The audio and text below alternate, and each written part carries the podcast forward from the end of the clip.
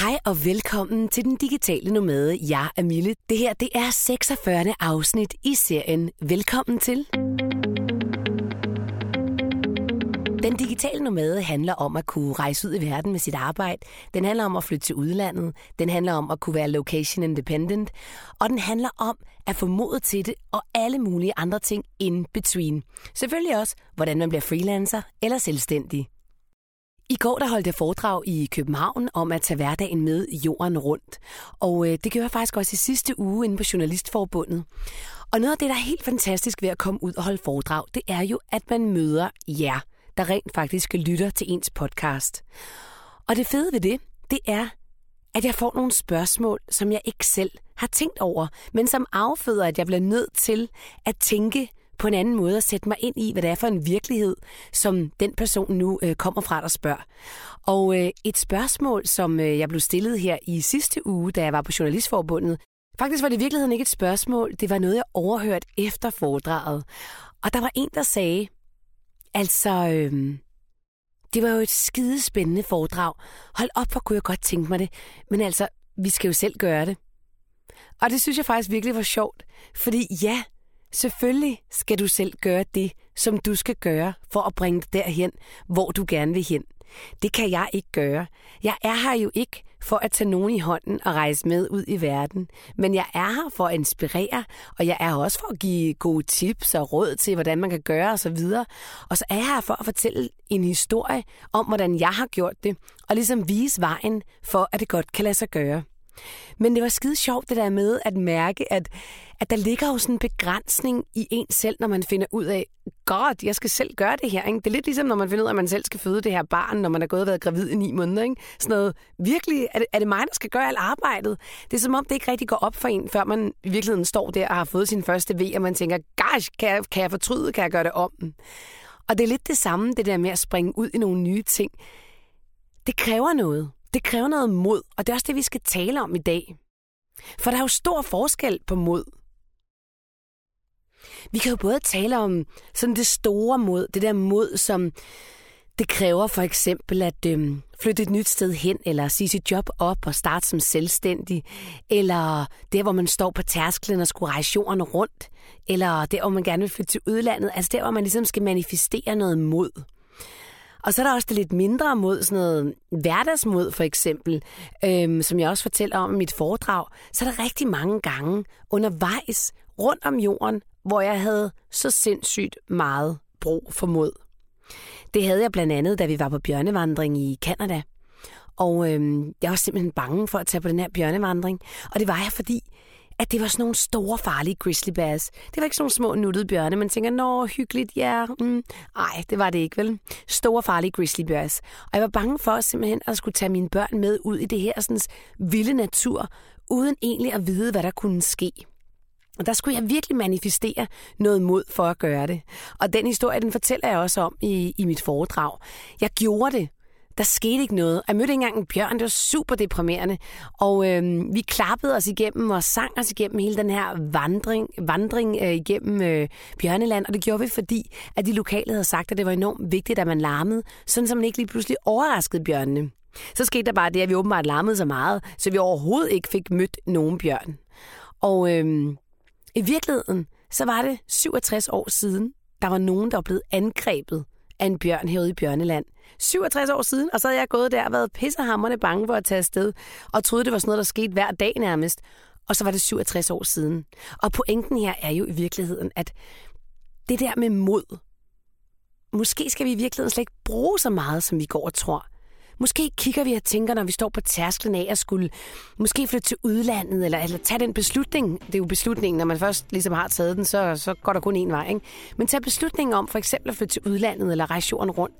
Det er der, hvor man skal bruge noget mod. Ikke? Uh, hvordan gør jeg? Uh. Men i virkeligheden, så skal man måske slet ikke bruge så meget mod, som man egentlig går og tror.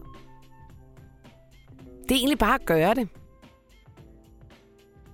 Og så var der en, der spurgte mig i går, det synes jeg var helt vildt sjovt. Øh, det er aldrig blevet spurgt om før. Hvor gør I af jeres ting? Og så sad jeg og tænkte, hvad for nogle ting? Altså så siger hun, jamen altså jeres ting, jeres sofa jeres stole, jeres senge. Og så kunne jeg bare kigge på hende og sige, ved du hvad? Vi ejer ingenting. Vi har ikke noget. Og så kiggede hun helt skeptisk på mig. Altså, det troede hun simpelthen ikke på. Men det, hvorfor jeg synes, det her spørgsmål var fantastisk, det var både fantastisk for mig, fordi jeg lige pludselig kunne mærke, at jeg overhovedet ikke var attached, øh, hvad, tilknyttet til ting øh, i mit liv. Og det gør faktisk, at man er ret fri, at man kan leve ret frit. Altså jeg mener seriøst, at jeg kan gå ned og brænde vores hus ned på stedet, uden jeg vil savne noget. Selvfølgelig ud over min mand og mine børn, og, og så vil jeg tage min computer og min mikrofon under, under armen. Der vil være så få ting derinde, som jeg havde brug for at tage med mig. Og det betyder ikke, at jeg ikke har lyst til at nu skabe en lille rede, og her bor vi, og vi har, der, vi har fået nogle stole, vi har fået af naboer og så videre. Jeg har købt to stole, så vi ligesom har noget at sidde på, og har et bord, vi har fundet, jeg har stjålet hjemme fra min søster af. Øhm, så det er ikke sådan, at, at vi ikke, ikke har, jeg ikke har etableret mig på ny. Men jeg har ikke masse ting, som jeg skal opbevare alle mulige steder, når det er, vi rejser ud og kommer hjem. Og det var en befriende oplevelse for mig at mærke, men også spændende at høre om, hvad det er for nogle problematikker og udfordringer, begrænsninger, folk står i. Fordi hendes begrænsning lå jo meget i, hvad satan gør jeg med alle de her ting? Hvor skal jeg dog gøre af dem? Øh, og måske også det der med usikkerheden i at, øh, at lade, det, lade det gå, altså lade det simpelthen øh, sælge det, eller lade det op, blive opbevaret. Altså det der med, at der var faktisk nogen, og øh, sikkert måske også nogle af jer, der lytter, der simpelthen er knyttet, knyttet til ting. Øh, min nabo, Louise, som jeg lige talte med her til morgen, hun fortalte mig også, at hun er knyttet meget til sine ting, og øh, hun vil ikke have lyst til at lege sit lej, sin lejlighed eller sit hus ud, fordi at, at hun skulle ikke have andre mennesker rende rundt i hendes ting. Og det betyder noget for hende, at hun kan skabe sådan en base. Og det vil være en stor sådan, ting for hende at skulle øh, jamen, både få det opbevaret, men også, også at begynde at sælge ud af det, hvis det var det, hun øh, skulle gøre for at øh, måske rejse ud i verden. Så vi har jo alle sammen nogle begrænsninger, og det er også derfor, det er så spændende at tale om mod og begrænsninger, fordi at det er meget individuelt, hvor, øh, hvor man har dem henne. Og det, som kræver mod af mig, kræver måske ikke mod af dig. Og det, der kræver mod af dig, kræver, og omvendt, det, det, der kræver mod af mig, kræver måske ikke mod af dig. Og det, øh, og det skal vi tale om i dag, den her podcast, fordi jeg har nemlig øh, interviewet Senna Grundvig, som er coach og NLP-terapist, øh, psykoterapist, terapeut hedder det vist. Og øh, hun kommer med nogle ret gode bud på, hvad det egentlig er, der sker i hele den her proces, når det er, at vi skal tage beslutninger, og hvorfor det er, at vi ser op til hinanden og tænker, wow, hvor er det modigt, det der, du gør. Hvorfor kan jeg ikke gøre det? Og, øhm, og hvad er det for nogle begrænsninger, som vi har som mennesker. Jeg håber, du vil tage godt imod hende. Hun er super sej, og jeg fik i hvert fald rigtig mange dejlige aha-oplevelser i denne her halve time, som jeg havde sammen med hende. Så skal vi sige velkommen til dig, Senna. Jo, tak. Vi sidder her i mit studie i Humlebæk, som jeg har bygget, og jeg har simpelthen inviteret dig herop, fordi vi to vi mødtes til et netværksarrangement, der hedder Female Go-Getters. Og øh, der kom vi til at tale om sådan noget med mod. Altså, hvorfor er der nogen, der er mere modige end andre? Hvorfor er der nogen, der tager action på deres idéer og drømme, hvor andre ikke gør det? Og du er jo uddannet coach og psykoterapeut. Du hedder jo Grundvig til efternavn, hvilket jeg synes er... Det må være en eftertænksom type, ikke? jo, det, øh, det synes jeg, jeg, jeg prøver at efterleve meget godt. Ja, så det synes jeg er et, et godt efternavn i hvert fald. Og så inviterede jeg dig til at komme op øh, her i mit studie for at tale om det emne. Altså det der med mod, og så også noget med modstand. Så det skal vi tale om i dag. Er du klar på det? Meget. Fantastisk. Ja. Altså, jeg har tit tænkt over det der med, at når nogen kalder mig modig, så tænker jeg, hvorfor, hvorfor synes de egentlig, jeg er modig? Fordi jeg, jeg gør jo bare det, som jeg nu engang gør, ikke? Øhm, men hvorfor er det, at nogle mennesker, de øhm, ikke har den samme mod som andre? Altså, hvad, kan man tale om, at der er nogen, der er mere modige end andre? Altså, man kan i hvert fald tale om, når, øh, når du siger, at folk nævner, at du er modig. Mm-hmm. Øh, det, der sker lige der, det er jo det, der hedder en associering. Så de associerer sig ind i, hvis jeg var dig og mm-hmm. gjorde det, du gjorde. Øh, hvis, jeg var mig, hvis, hvis jeg satte mig selv i din situation og gjorde det, så vil jeg have brug for at være modig. Ja. Så det, de siger til dig i virkeligheden, når jeg ser dig, så minder du mig om, at jeg vil have brug for mod til at gøre det, du gør. Ah, okay. Så og det er det, der hedder modellering i virkeligheden, det, eller hvad? Det er, det er associering. Det er associering, okay. Det er empati, faktisk. Man okay. kan sige det der med, når vi snakker om, at vi er empatiske som mennesker, det er jo fordi, vi sætter os selv i andre sted. Ja. Og det, der er rigtig vigtigt at vide ved det, det er jo, at vi hele tiden gør det her. Så, så man kan mm. snakke om lidt sådan, også ligesom banehalvdel, hvornår bevæger vi os ind på hinandens banehalvdel, for eksempel i parforhold, hvor man kommer til måske at, ja. at bevæge sig for meget ind på hinandens banehalvdel. ja. Og det er lidt også måske det samme, sådan en snært af det, der sker her, ikke? hvor mm. at, at man antager, at der er brug for mod, men altså, måske havde du ikke brug for mod, da du gjorde det, Nej. men det har, har de mennesker, som siger det til dig lige der, de har brug for mod. Hvordan bliver man modig? Kan man overhovedet snakke om det? Ja, det kan man jo godt. Altså, hvad er mod? Det er jo forskelligt fra person til person. Ja. Øhm, men det er helt klart, at vi, øh, jeg tror, vi har alle sammen lyst til at være modige, eller lyst til at ligesom begive os ud på et eller andet, som er ude for, for det, vi normalt tør gøre. Mm. Så øh, jeg tror bare, at øh, nogle gange kan der blive stillet eksempler op, som er så langt væk fra os. Så for eksempel, når folk ser dig og siger, hold da op, sikken rejse, og det I gjorde alt, alt mm. det her, der, der skete, og den måde, I tog ud på den her rejse. Men det er jo også taget skridt for skridt, Ja. Og det er måske det, folk glemmer. Så når de ligesom bliver overvældet af din situation, så kan det være, at de ikke lige fokuserer på de steps, der har været ja. Til den der rejse. Men kan vi, kan vi prøve at definere egentlig, hvad mod er? Ja, det er jo det. Det er jo øh, måske i virkeligheden ikke sådan lige til, sådan som jeg ser mod, tror jeg, er, at øh, sådan en eller anden form for meget dyb tro på sig selv. Ja.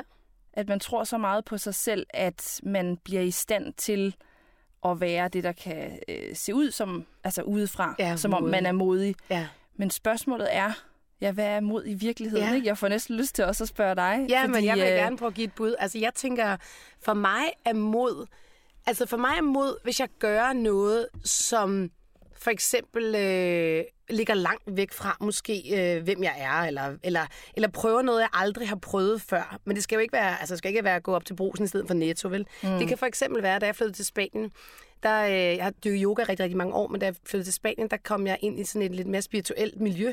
Og det var sådan grænseoverskridende for mig faktisk, fordi mm. den del havde jeg aldrig arbejdet med med mig selv.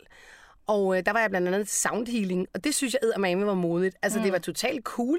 Jeg har lige netop øh, tænkt, at jeg skal på et silent retreat, og det er altså ret modigt for mig at gøre, fordi at være stille i fem dage eller sådan et eller andet, det ved jeg ikke. Altså, mm. Altså, det, det er bare en stor ting for mig. Men det ville det måske ikke være for andre. Altså, så det er noget med, altså nu snakkede vi også lidt i går om, øh, da vi talte i telefonen sammen, om det der med comfort zone. Ikke? Mm. For mig er det også lidt det der med at springe ud, hvor jeg bare slet ikke ved, hvor det bærer hen. Altså, jeg har rejst rigtig meget. Jeg har rejst jorden rundt før. Jeg har også rejst backpacket med mine børn tusind gange, for de var et år gamle. Mm. Så det der med at rejse jorden rundt med dem, det var jo ikke noget sådan...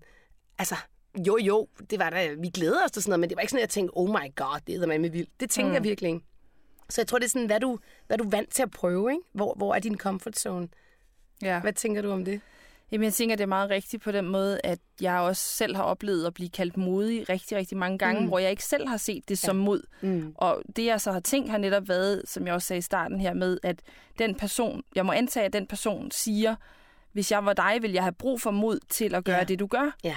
Så det er simpelthen så individuelt, men, men sådan som jeg mærker mod, det er helt klart et eller andet med, at det føles som sådan en eller anden slags... Øh, jamen et eller andet, hvor vi har brug for sådan at samle ekstra kræfter i hvert fald til at, at bryde igennem ja. et eller andet. Og hvordan gør man så det? Er der en opskrift på det? Det kunne altså... være rart at få den, ikke? Det vil folk gerne have. Hands on, ikke? Hvordan gør jeg? Hjælp mig, tag mig i hånden. Lev mit liv for helvede.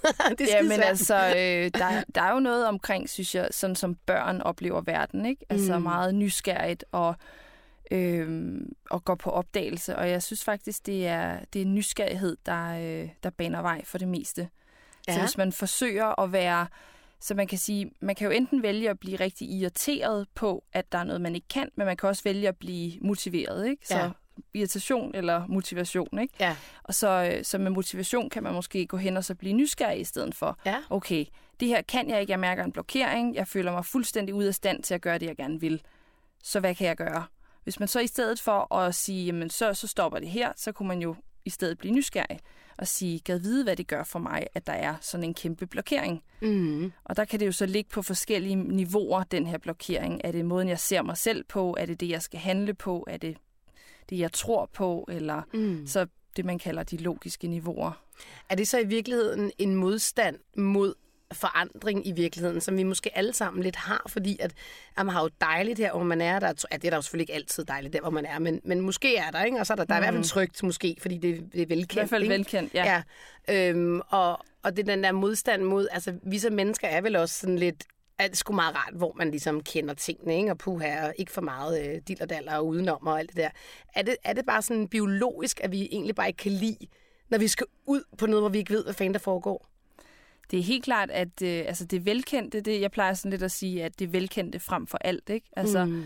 Øh, mm. nogen siger også, you are what you repeatedly do. Altså, okay. altså den der, oh, det lyder med, med kedeligt. Den der, men den der gentagelse, men, men det vi ja. så også kan begynde at gentage, det er jo forandring og variation. Ja. Ja. Og jeg selv er rigtig, rigtig glad for variation, så man kan sige, der kan også ligge noget genkendt i variation, for eksempel. Ja. Så man kan jo begynde at måske eksperimentere med, lige nu er det velkendte for mig, at gøre det samme, men hvordan kunne det blive velkendt og gøre noget nyt? Måske begynde, hvis man er en, der har den samme rutine hver eneste morgen, mm. så kan man mm. måske starte med at bryde det og sige, en gang øh, onsdag morgen, der gør jeg noget nyt, eller ja. et eller andet, men sådan et eller andet med at blive mere tryg øh, og få det til at være mere velkendt og mm. gøre noget nyt, og ja. være mere varieret og fleksibel. Og... Så man faktisk også oplever måske, at hey, jeg kan faktisk godt gøre noget andet. Jeg behøver faktisk ikke gøre det samme hver dag. Hov, det gav mig måske et eller andet, andet overskud, eller hvad det nu kunne ja, være. Hov, jeg er stadig i live. Ja, ja hov, jeg, jeg mærker mig selv. Jeg er ikke ved at dø helt.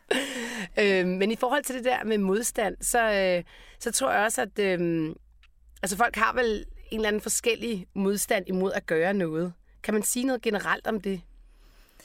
Altså man kan jo sige generelt, det jeg oplever med mine klienter, det er jo, at modstanden næsten altid forsøger at beskytte dem ja. mod det, som mod modet? Øh, ja, mod, mod, ja, blandt andet. Altså mod sådan ligesom, jamen, øh, igen, som du sagde det der med, jamen, jeg ved, hvad jeg har, og jeg, jeg mm. kender den her situation. Det er på en eller anden måde trygt, og det kan faktisk også være netop, du bliver slået af kæresten. Og det er også på en eller anden måde velkendt. Mm. Fordi måske kan du ikke lide dig selv, og så passer det jo meget godt, at der er nogle andre, der lader ja, til heller ja. ikke at være så ja. søde ved en. Ikke? Ja. Så, så hvad end der er velkendt, det har vi det med at blive i. Øhm, så, så modstanden vil ligesom opstå som sådan en slags beskyttelse, eller sådan nærmest et, et, øh, et slags filter mod det næste. Okay. Så, øhm, så det kan være netop bare, øh, når man indser, at jamen, det forsøger bare at holde mig, hvor jeg er, fordi det kender jeg. Lige så snart du så indser det, og det er jo den der nysgerrighed mm. der, hvis man bliver nysgerrig på at stille sig selv nogle andre spørgsmål, ja. så kan man jo øh, ligesom forsøge at trække det med.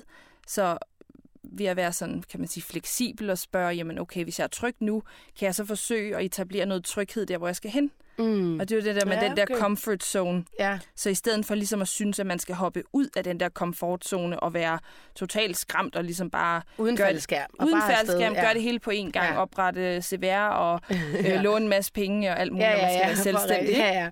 Så kan man gøre det, altså sådan poco a poco, som vi siger i Spanien faktisk, lidt ja. efter lidt i ja. virkeligheden. Ja. Men prøv lige at forklare det der med den der comfort zone, fordi at det, det, det, i stedet for bare at, at springe ud, mm. hvad er det så, man skal gøre sådan rent konkret? Fedt, du lytter med. Sender er jeg synes, det er skønt, du er her. Du er meget velkommen til at dele den her podcast, eller smide en tier i kassen på millespeak10.dk. Det gør vores arbejde en lille smule nemmere, hvis der er en lille krone at arbejde for. Tusind tak for det. Jamen, altså, jeg, faktisk i, øh, sådan som jeg ser det, så jeg har sådan et billede af ligesom sådan nogle ringe her. Mm. Der er nogen, der snakker om den her nemlig inderste zone, den her komfortzone, mm. og så er der de næste ringe ligesom af udfordringer. Mm. Øhm, og imellem de her er der jo ligesom en modstand, så man kan sige, at den her streg symboliserer måske modstanden til det næste. Mm. Og der ser jeg det som, i stedet for at hoppe ud til den næste zone, så forsøger du egentlig at bygge en bro. Og hvordan bygger man en bro? Jamen, man tager måske øh, et stykke træ, ikke? og så har man nogle søm og hammer, og så bygger man langsomt en bro til det næste.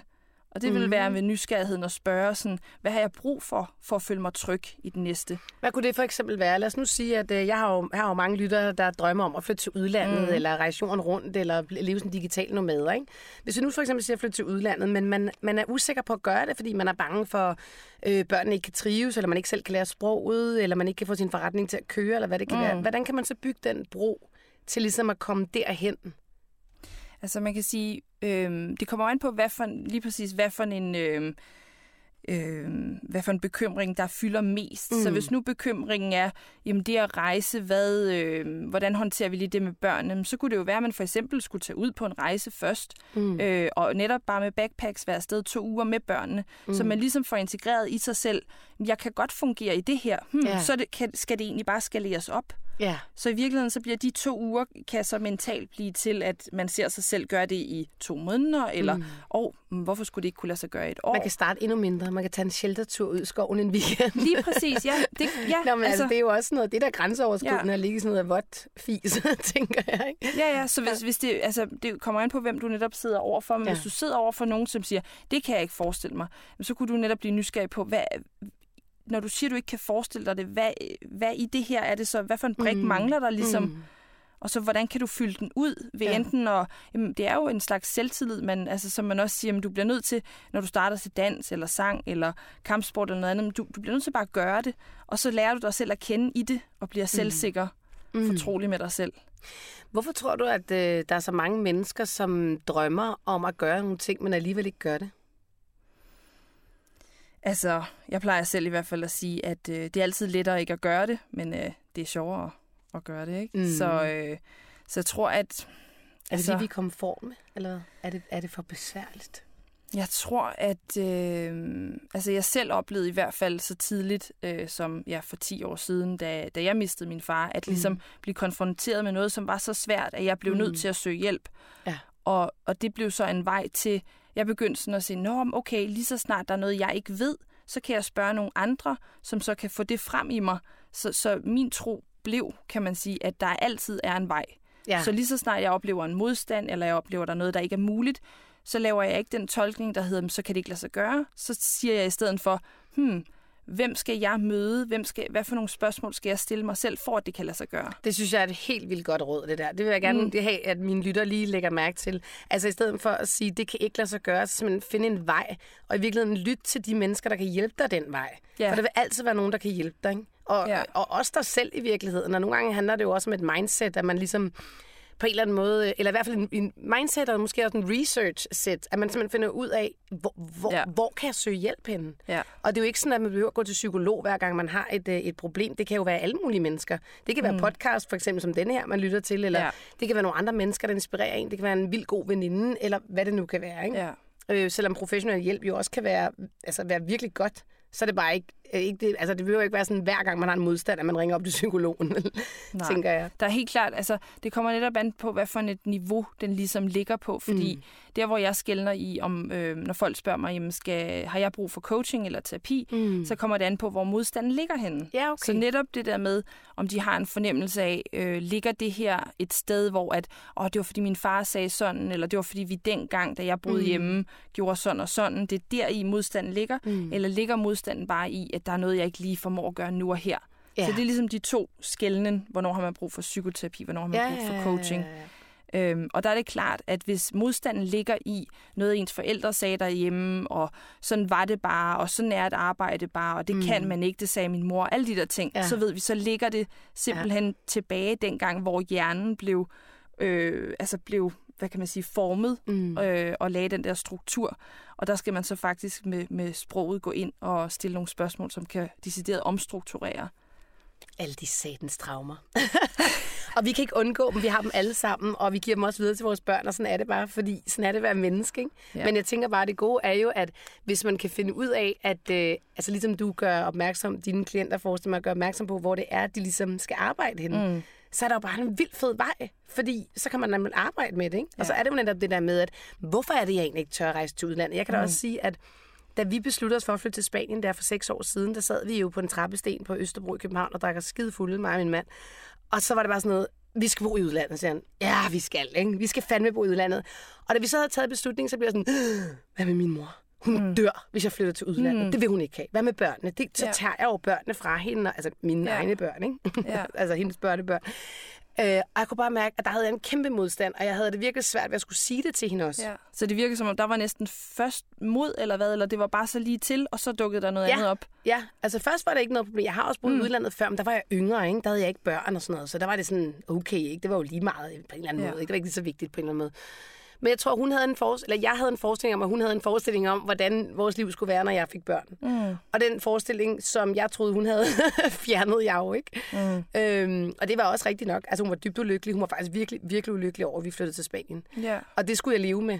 Og det var svært, og det tog mig faktisk også nogle år. Altså jeg sagde jo, at vi tog afsted i 10 måneder. Ikke? Yeah. Vi var afsted i 6 år. Men yeah. det vidste jeg heller ikke på det tidspunkt. Fordi yeah. dengang havde jeg faktisk ikke lyst til at tage afsted så længe. Jeg oplevede bare, at det var så fedt, at jeg mm. blev nødt til at blive og jeg havde ret til mit eget liv. Hmm. Men det var svært. Ja, og Men... det er nemlig en rigtig, rigtig god pointe, fordi at det, der jo også sker i os, det er jo, at vi er jo ikke bare os selv. Og man kan sige, selvom at nogen har, nogen har børn, nogen har mand, nogen har ikke, mm-hmm. så har vi i hvert fald alle sammen ligesom nogle tråde, der fører ud til vores sådan, og der er noget familie, noget øh, omkringliggende enten samfund eller land, mm. eller vi føler os forbundet som ja. mennesker.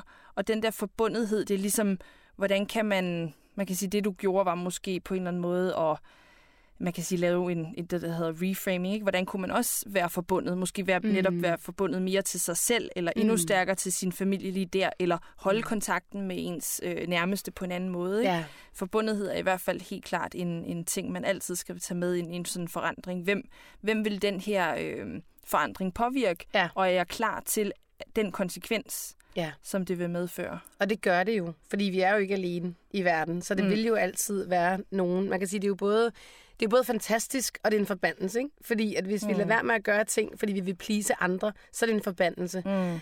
Øhm, men det er jo også fantastisk, at vi har nogle mennesker, der elsker os, ja. og gerne vil være tæt på os. Ikke? Ja. Så det er jo sådan en, en svær situation øhm, at være i. Men jeg vil så sige, at efterhånden så lærte hun det jo, og jeg lærte også at sige mm. fra over for det. Og, og i forhold til vores forhold, er det på ingen måde blevet dårligt. Tværtimod, vil jeg mm. faktisk sige. Ikke fordi vi havde et dårligt forhold før, vi har altid haft et godt forhold, men Altså faktisk det der med, at de kom ned, og så boede de hos os i flere uger. Det var da mega ja. fedt, at bare hyggede sig, og du ved, var sammen med børnene, og på en helt anden måde end, altså jeg skal ikke have dem boende her hjemme i to uger, vel? Mm. Men dernede havde vi jo pladser, der var sol og sommer, og de kunne gå i poolen ja. og sådan noget, så vi fik jo lige pludselig en, en masse anden tid med dem, ikke? Ja. Som er ret fantastisk, faktisk. Og som de savner i dag. Ja, ja. det er ikke sjovt. Det er lidt sjovt. Ja. Man kan sige også, jeg tror også, at vi, vi gør faktisk vores familie en meget større tjeneste, end vi er klar over ved at leve det eksempel, som er rigtigt for os. Mm. Fordi ved at, at være sådan, man kan sige, øh, ved at gøre det, der er rigtigt for os, så tror jeg ikke, at de kan lade være med ligesom at genkende, at i det ligger der jo også noget kærlighed til mm. os selv. Og når ja. vi elsker os selv, så har de gjort så... et godt stykke arbejde, ikke? Ja. Det har de jo faktisk. Ja, så kan man ligesom være stolt af, at ja. uanset om man synes, det er lidt irriterende, at hun nu flytter, okay, så ser det ud, som om hun har det godt, ja. så øh, jeg må have gjort det ja. godt. Jamen, det tænker jeg også er meget godt øh, sådan, øh, råd at give videre, hvis man kan kalde det råd, mm. men i mm. hvert fald en inspiration til andre, det der med, at altså, øh, man må gerne leve sit eget liv. Og, men det kan godt være, at der kommer på noget modstand, både fra dig selv, men også udefra i virkeligheden. Mm. Ikke? Men man også kan prøve at takle det som, altså, som en form for kærlighedserklæring i virkeligheden. Ikke? Men mm. stadig stå fast ved, at jeg må gerne gøre det her, øhm, yeah. tænker jeg. Er der mere, vi kan sige sådan om, om modstand mod, at, mod forandring, mod at gøre noget? Er der, er der noget mere, vi skal runde? Mm. Jeg tror, det der sådan bare lige dukker op for mig, det er øh, noget af det, som jeg lægger mærke til, er, at øh, afhængig af ligesom også derhjemme, altså rammerne, man kan sige, har man oplevet meget modstand derhjemme, mm. eller har ting været ligesom, man kan sige, mere glidende, eller mere sådan, øh, fået større opbakning derhjemmefra og sådan nogle ting. Det er mm. også noget, der spiller rigtig meget ind, fordi på en måde, så kan man sige, dem, der har oplevet modstand derhjemmefra, vil, øh, vil både skabe modstand for sig selv, fordi mm. det er velkendt, men også have lettere ved at navigere i modstand, fordi det er velkendt. Mm. Ja, det giver ja. mening.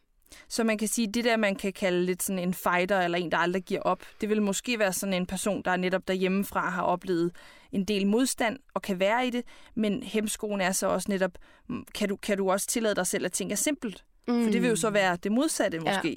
Så der er... Men der er jo også nogen, der bryder med det der. Altså, mm. der er jo mhm. nogen, der virkelig bryder med hele deres øh, fortid på en eller anden måde. Altså, det er der jo. Ja. Den måde, de er vokset op på, og fuldstændig parkerer det henne i hjørnet, eller arbejder sig ud ja. af det, eller hvad de nu gør. Men vi plejer også at sige, at det er aldrig for sent at få en god barndom. Nej, Fordi man simpelthen, altså, ja. fordi netop fordi vi mennesker har evnen til, eller måske ikke evnen til at skelne mellem fantasi og virkelighed. Så det, man gør faktisk i de metoder, jeg for eksempel og andre bruger, det er netop det her med at gå ind og omprogrammere, så man faktisk man, man, man skaber en anden virkelighed bagudrettet. Rep, mm, reperspektivering mm, ja, hedder det. Ja, ja, ja. Og det gør simpelthen, at selvfølgelig ved man godt, hvad virkeligheden var, men ens opfattelse af det bliver fuldstændig ændret, og derfor mm. kan folk, der netop er blevet voldtaget og blevet, altså virkelig har oplevet nogle, ja. nogle rigtig hårde ting, de kan simpelthen opleve og se tilbage på det og sige, ved du hvad, jeg tilgiver faktisk alt, hvad der er sket, og det er, jeg ser det som en del af en lektie her i livet. Mm. Altså, mm. uden at have følelser sådan som sådan involveret. Ja det er ret vildt, ikke? Og faktisk kan man jo også, øh, jeg ved ham der Tony Robbins der, altså kan man lide, mm-hmm. man lade være, men han taler jo rigtig meget om at bruge alt det lort, du i virkeligheden har fået serveret som noget ja. positivt, ja. for hvordan, hvordan dit arbejdsliv og dit øh, privatliv skal være. Altså simpelthen bruge det til at skabe dig en forretning i virkeligheden. Ja. Det er jo også det, han selv har gjort, ikke? Ja, det der med, han, som, han, som han siger, det her med, at hvis der er noget, han vil ønske for alle mennesker, så er det faktisk, hvis han kan hjælpe mennesker til at undgå smerte, mm. fordi han selv oplevede en, mm. en helt bestemt hård smerte, da han var barn, ikke? Mm. så er det faktisk, så det er jo hans mission, det er ja, faktisk at, ja. At få folk til at leve et mindre smertefuldt liv. Ja, men, men jeg synes også, han har den her mission med, at du skal bruge det. Der er ikke noget galt i det der, der er sket. Mm. Du skal bruge det til noget, ikke?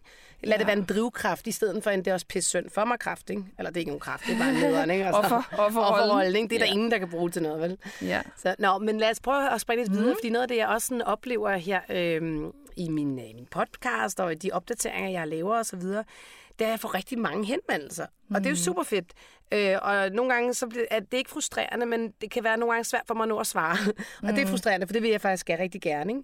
Men det, som jeg ofte får meddelelser om, det er enten nogen, der takker mig for en fantastisk podcast, eller nogen, der har rykket på nogle af de ting, jeg har sagt. Der er blandt andet mm. en gut, som har flyttet hele sin familie til Spanien. Startede mm. selvstændigt ned, han har lige skrevet til mig, at det går pisse godt, og de har boet der nu i 4-5 måneder, tror jeg. Ja det jeg bliver jeg vildt stolt af, ikke? Og det ja. synes jeg er så fedt. Øhm, altså ikke, at han er flyttet til Spanien, men han har rykket på det, der var deres drømme. Ja. Men så får jeg også nogle øh, mails, der er sådan lidt mere, kan du ikke hjælpe mig? Hvad gør jeg her? Hvordan, hvordan mm. gør man det der, du gør? Jeg vil gerne gøre det der. Mm. Og jeg kan jo, altså jeg er jo slet ikke coach eller noget, øh, øh, og jeg, jeg, jeg, jeg er her egentlig bare for at, eller bare, jeg er her for at inspirere.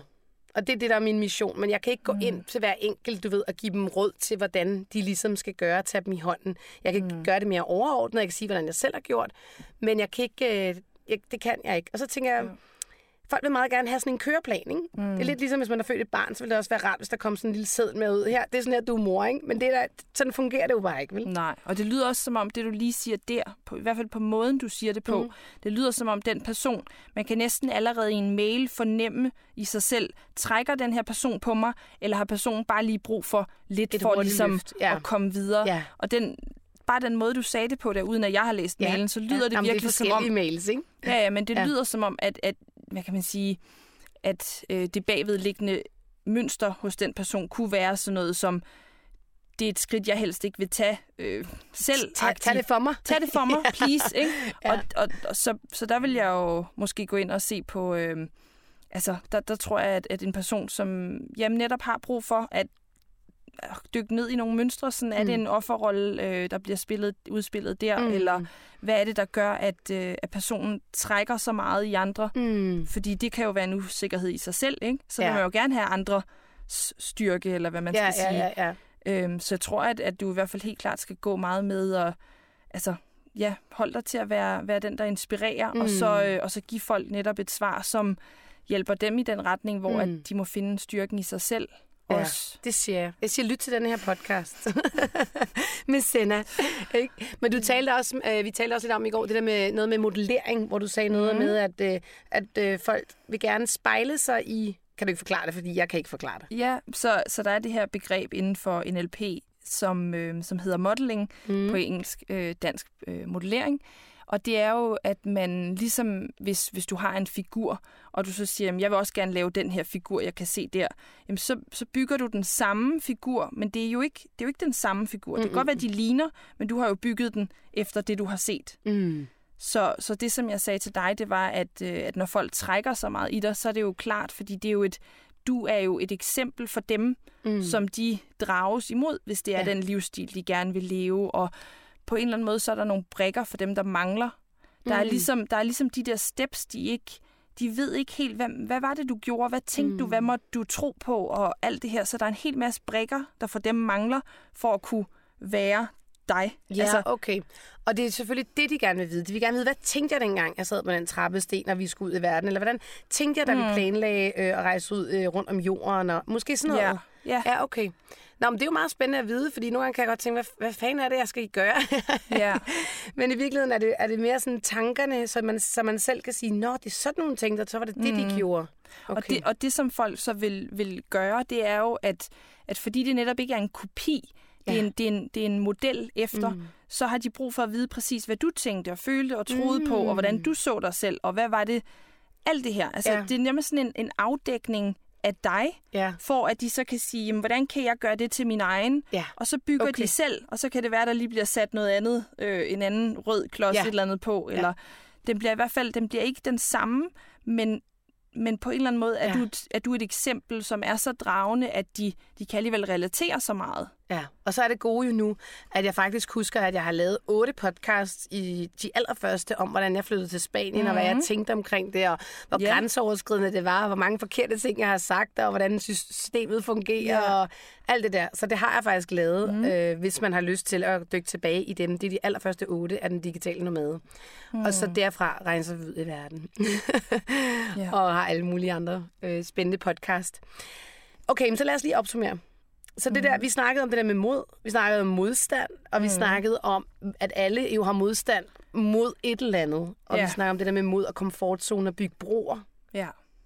Og der var en god pointe der. Det var noget med, at man skulle ikke bare, altså det var ikke bare med at springe ud, uden faldskærm. Uden faldskærm, nej, lige præcis. At man, at man det tager noget tid for hjernen at lave de her nye forbindelser, og ligesom, jamen, jeg er jo den her person, der lige nu lever et liv, øh, 9 to 5, et eller andet, øh, og det har jeg gjort de sidste 20 år. Mm. Ikke? Så forestillingsevnen der er jo måske sådan lidt svækket, kan man sige. Altså, mm. Så i stedet for at antage, at du skal springe ud i det sådan med, jamen, uden faldskærm, så tillad, altså simpelthen bare tillade sig selv at bygge den der bro langsomt. Start med et mm. bræt. Det kan jo være i Altså sådan rent konkret kan det jo være at gå lidt ned i tid mm. øh, på sit arbejde, og så begynde at, øh, at oprette virksomhed ved siden hvis det af, hvis det er det, ja. man vil. Ja. Eller netop tage den der sheltertur, eller mm. sådan, så man i stedet for hvor er det, hvor er det lige, vi har fået ja. ideen fra, at man bare sådan skal springe ud? Er det, fordi vi synes, det sådan er... Det er sejt. Det, det er sejt ja, og ekstremt, wow. og ja, ja, fedt, mand. sikke en god historie, det bliver ja, bagefter, ja, ikke? på BT, ja. Men det kan også være, at man bare crasher, ikke? Og ja, det, det er jo rigtigt. ikke så fedt. Nej. Så det, det er et virkelig godt råd, synes jeg. Yeah. Øh, Nå, men Senna, jeg, jeg, jeg synes, at vi er kommet rigtig godt igennem øh, mod og modstand og forandring, og hvordan man ligesom kan tage nogle små skridt hen imod øh, det liv, som man godt kunne tænke sig. Mm. Øh, om det er at blive digital nomad, eller rejse ud i verden, eller flytte yeah. til et nyt land, eller starte selvstændigt, yeah. som du jo også har gjort her yeah. inden for det seneste år. Yeah. Og øh, det er jo faktisk sådan, hvis man nu synes, at du er mega interessant at snakke med, øh, så kan man jo faktisk godt fange dig. Og hvor yeah. kan man det? Jamen, det kan man på min side, Sender Grundvig, på mm. Facebook. Ja. Sendergrundvig.dk. Ej, du har ikke nogen øh, hjemmeside? Det Nej, er kun Facebook? det er indtil videre Facebook, Du ja. kører mund-til-mund-metoden? Ja, mund-til-mund og øh, sociale medier, ja. Det er skide godt. Det er, de, det er de yngre, der gør det. Det er, fordi Sender, hun er meget yngre end mig. der kan man fange Sender, hvis, øh, hvis man gerne vil coaches lidt i, øh, hvor man måske selv har sin egen modstand ja. på forskellige ting. lige præcis. Ikke? Ja. Tak, fordi du gad at komme. Det var helt fantastisk. Nu skal ja. vi lade noget vand, fordi vi er ved at svede væk herinde i den her. Har du det ikke varmt? Ja, det er så varmt herinde. Tak for det.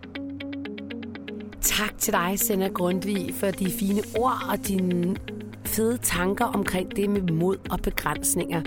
Og specielt det der med at tage små skridt.